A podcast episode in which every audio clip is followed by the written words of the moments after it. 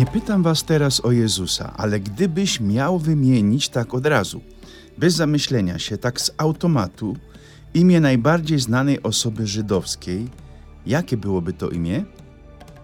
Wielu powie Maryja z Nazaretu. Nie przychodzi na myśl w pierwszej kolejności osoba króla Dawida. Dzieje się tak dlatego, że Dawid jest najbardziej według mnie niezwykłą, wielowymiarową i barwną postacią Starego Testamentu. Z jednej strony Dawid jest bezgranicznie zatopiony w miłości do Boga i ludzi, a równocześnie, jak jest pobożny, tak samo jest grzesznym odstępcą od najbardziej podstawowych fundamentów wiary. Ale to, co go wyróżnia wśród innych postaci Starego Testamentu, to świadomość tej swojej słabości i grzeszności i zaufanie do przebaczającego Boga. Dawid był, wiecie o tym, najpotężniejszym królem Izraela. To on zbudował królestwo Izraela politycznie, terytorialnie i duchowo. Sprowadził Arkę Przymierza do Jerozolimy, ale mimo tylu zasług Bóg nie zgodził się, aby Dawid wybudował pierwszą świątynię jerozolimską. Dlaczego? W czym Dawid jest podobny do swojej wnuczki Maryi z Nazaretu? O tym w dzisiejszym podcaście, w czwartą niedzielę Adwentu, serdecznie zapraszam do słuchania. Ja jestem brat Krzysztof, jestem kapucynem, mieszkam w Innsbrucku. Od dwóch lat proponuję Wam podcasty z moimi rozmyślaniami na temat niedzielnych czytań. Mój podcast w języku polskim i bułgarskim znajdziecie pod nazwą Ja Mhm i ten sam podcast w języku niemieckim znajdziecie pod nazwą Zwei Mission na tym samym serwerze pod adresem jamhm.podbin.com. W każdą sobotę od godziny 12 znajdziecie nowy podcast.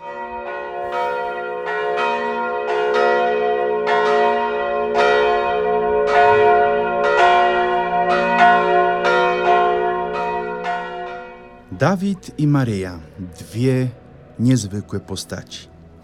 Z jednej strony pradziadek Dawid ze środka historii Izraela, a z drugiej strony jego prawnuczka Maryja z początków Nowego Testamentu.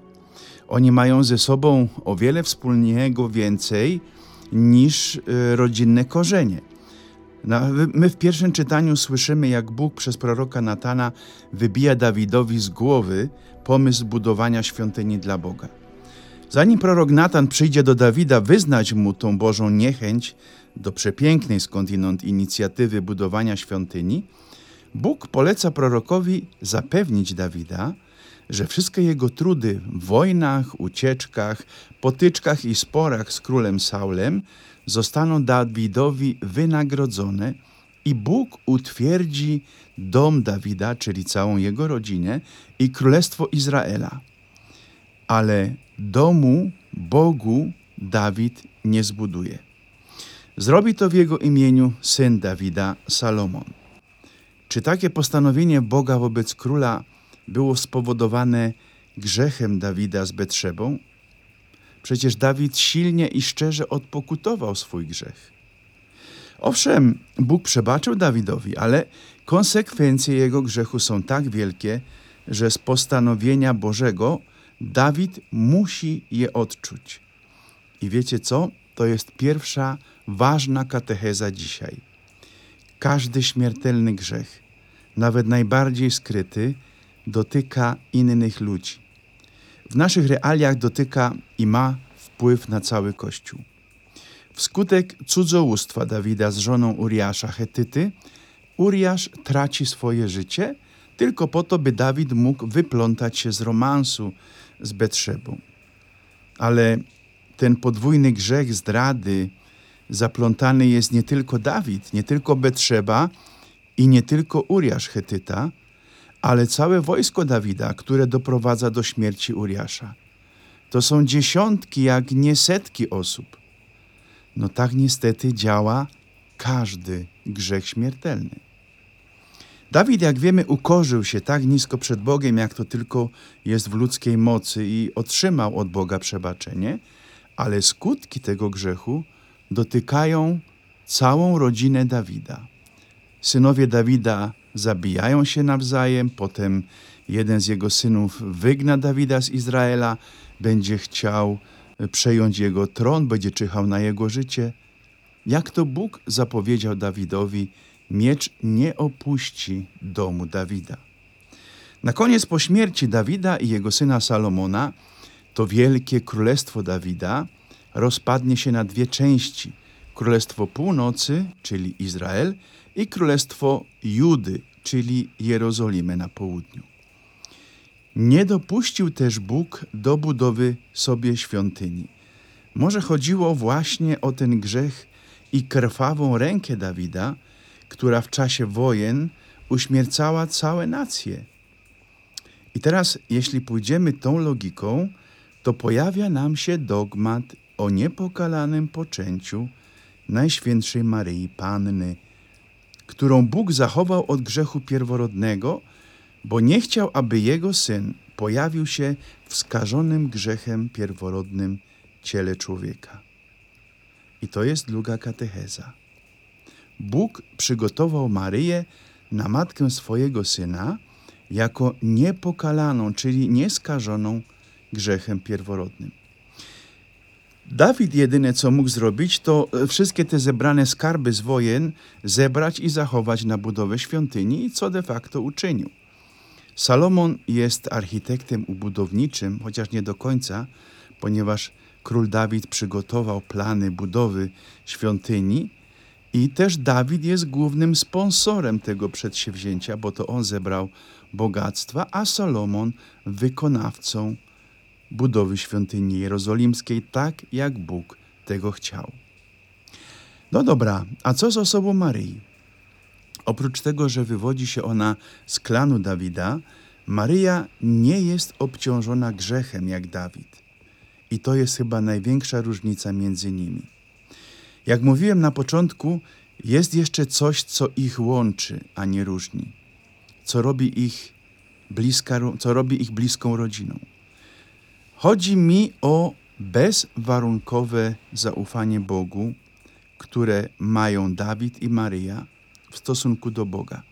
Dawid, chociaż prześladowany niesprawiedliwie przez Saula, nigdy nie podźwignął ręki na króla, chociaż miał na to wiele okazji. Dawid zawsze mówił, że bardziej mu zależy na sprawiedliwości Bożej niż ludzkiej. Dlatego też nigdy nie wystąpił przeciw swoim synom, którzy chcieli go zgładzić. Maryja otrzymuje od Boga propozycję bycia matką Mesjasza, tego Mesjasza, na którego czeka cały Izrael, ale musi zaufać Bogu. Chociaż jak słyszymy w Ewangelii, miała swoje pytania, to ostatecznie zawierza Bogu bezwarunkowo. A ryzykowała Maryja wiele. Ryzykowała swoim życiem. Maryja wiedziała, że jak wróci od Elżbiety, wszyscy zobaczą, że jest w ciąży. I wtedy, według prawa, będzie musiała być ukamienowana, bo zdradziła swojego męża, zanim z nim zamieszkała. Nie wiem, czy Maryja miała wątpliwości. Wiem natomiast, że ze stuprocentową pewnością, że zaufała Bogu, pozostawiając mu, by to on zajął się szczegółami. Jak to mówił słynny włoski ksiądz Dolindo, Panie Jezu, Ty się tym zajmij. I to jest to, czego uczymy się od niej, czego powinniśmy się nauczyć od Maryi. Zaufać Bogu bezwarunkowo. Kochani bracia i siostry, ile odpadłoby nam stresów i nerwic, gdybyśmy to potrafili wprowadzić w życie. Tak nietypowo świętujemy tą czwartą niedzielę Adwentu, Wigilię Bożego Narodzenia. Przypuszczam, że większość z Was jest już po świątecznej spowiedzi, ale gdyby komuś się odłożyło spowiedź na później, to pamiętajcie o tych dwóch rzeczach, które pokazują nam bohaterowie dzisiejszej liturgii słowa król Dawid i Maryja z Nazaretu. Bezgraniczne, bezwarunkowe zaufanie Bogu w Jego miłosierdzie. I tu szczególnie bryluje nam Dawid. Nie musimy wszystkiego rozumieć ani wiedzieć.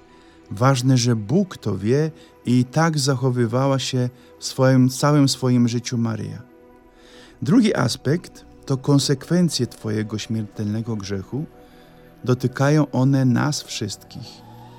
Grzech nie jest prywatną sprawą, jak się to nam wydaje. Każdy grzech chrześcijanina, konkretnie jego konsekwencje, dotykają cały Kościół. W tym też prym wodzi król Dawid. Odwagi, bracia, koniec oczekiwania na święta, ale nie kończy się oczekiwanie na dzień paruzji, więc nie odpuszczajmy. Świętujmy, radujmy się, ale nie odpuszczajmy pragnienia poprawy swojego życia, aby wejść do Królestwa Niebieskiego. Życzę Wam wesołych, zdrowych, jak się to po polsku mówi, świąt Bożego Narodzenia, pełnych, obfitych w przeżycia religijne, dalekich od świata polityki. Wesołych świąt, niech Pan Bóg Wam błogosławi. Amen.